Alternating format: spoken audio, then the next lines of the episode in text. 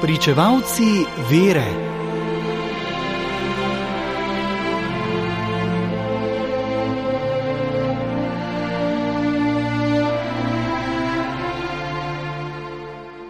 Na cerkvenem koledarju je danes 22. februarja zapisano sedež apostola Petra. Petrovo prvenstvo. Apostoli so sestavljali poseben zbor, ki ga svetopismo pogosto imenuje dvanajsteri. Kristus je temu zboru kot celoti izročil vodstvo svoje cerkve, oznanjevanje in širjenje Božjega kraljestva, nalogo posvečevati ljudi. Med apostoli je dal posebno nalogo enemu, Petru. Te njegove službe se cerkev spominja z današnjim praznikom, ki torej nosi ime Sedež apostola Petra. Že tedaj, ko ga je poklical, je Jezus Petru spremenil ime, kar pomeni, da ga je izbral za pomembno poslanstvo. Uprl je pogled van, poroča evangelist Janez in mu rekel: Ti si Simon, Janezov sin. Imenoval se bo Škefa, to pomeni Peter. V evangelijih je Peter 114 krat omenjen na prav poseben način. Utemeljitev za Petrovo prednost je njegova izpoved vere pri Cezareji Filipovi. Ti si Kristus, sin živega Boga.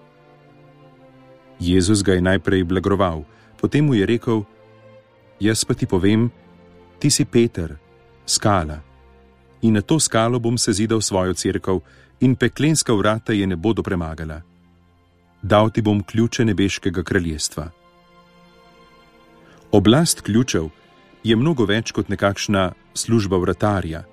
Ključi kraljestva pomenijo oblast kraljevega namestnika v odsotnosti vladarja. Jezus je torej Petru obljubil, da bo po njegovem odhodu z tega sveta postal njegov namestnik. Dal mu je tudi oblast zavezovanja in razvezovanja, ki pomeni, kar bo Peter v skladu s Kristusovo voljo ukazal ali prepovedal, to bo ukazano ali prepovedano tudi v nebesih.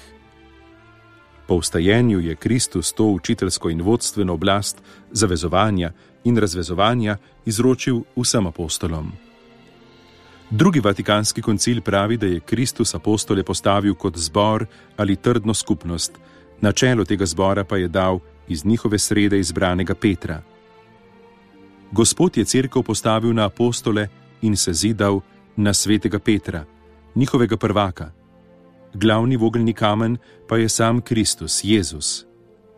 Vsak Petrov naslednik ali papež je najprej škof krajevne cerkve v Rimu, potem je patriarh Zahoda, to se pravi latinskega dela cerkve, končno pa mu pripada še tretja služba, nasledstvo apostola Petra in s tem od Gospoda postavljena služba prvenstva nad vso cerkvijo. Že v četrtem stoletju so marsikje slovesno obhajali spomin na ustanovitev škofijskega sedeža. Tako slavje se omenja že v četrtem stoletju, tudi v Rimu in sicer 22. februarja. Ob tej priložnosti so v Rimu naglašali posebno odliko Petrovega sedeža, ki je v tem, da je sam Kristus dal apostolu Petru najvišjo službo v cerkvi. Za verne ljudi je to dan molitve za papeža, vrhovnega pastirja božjega ljudstva.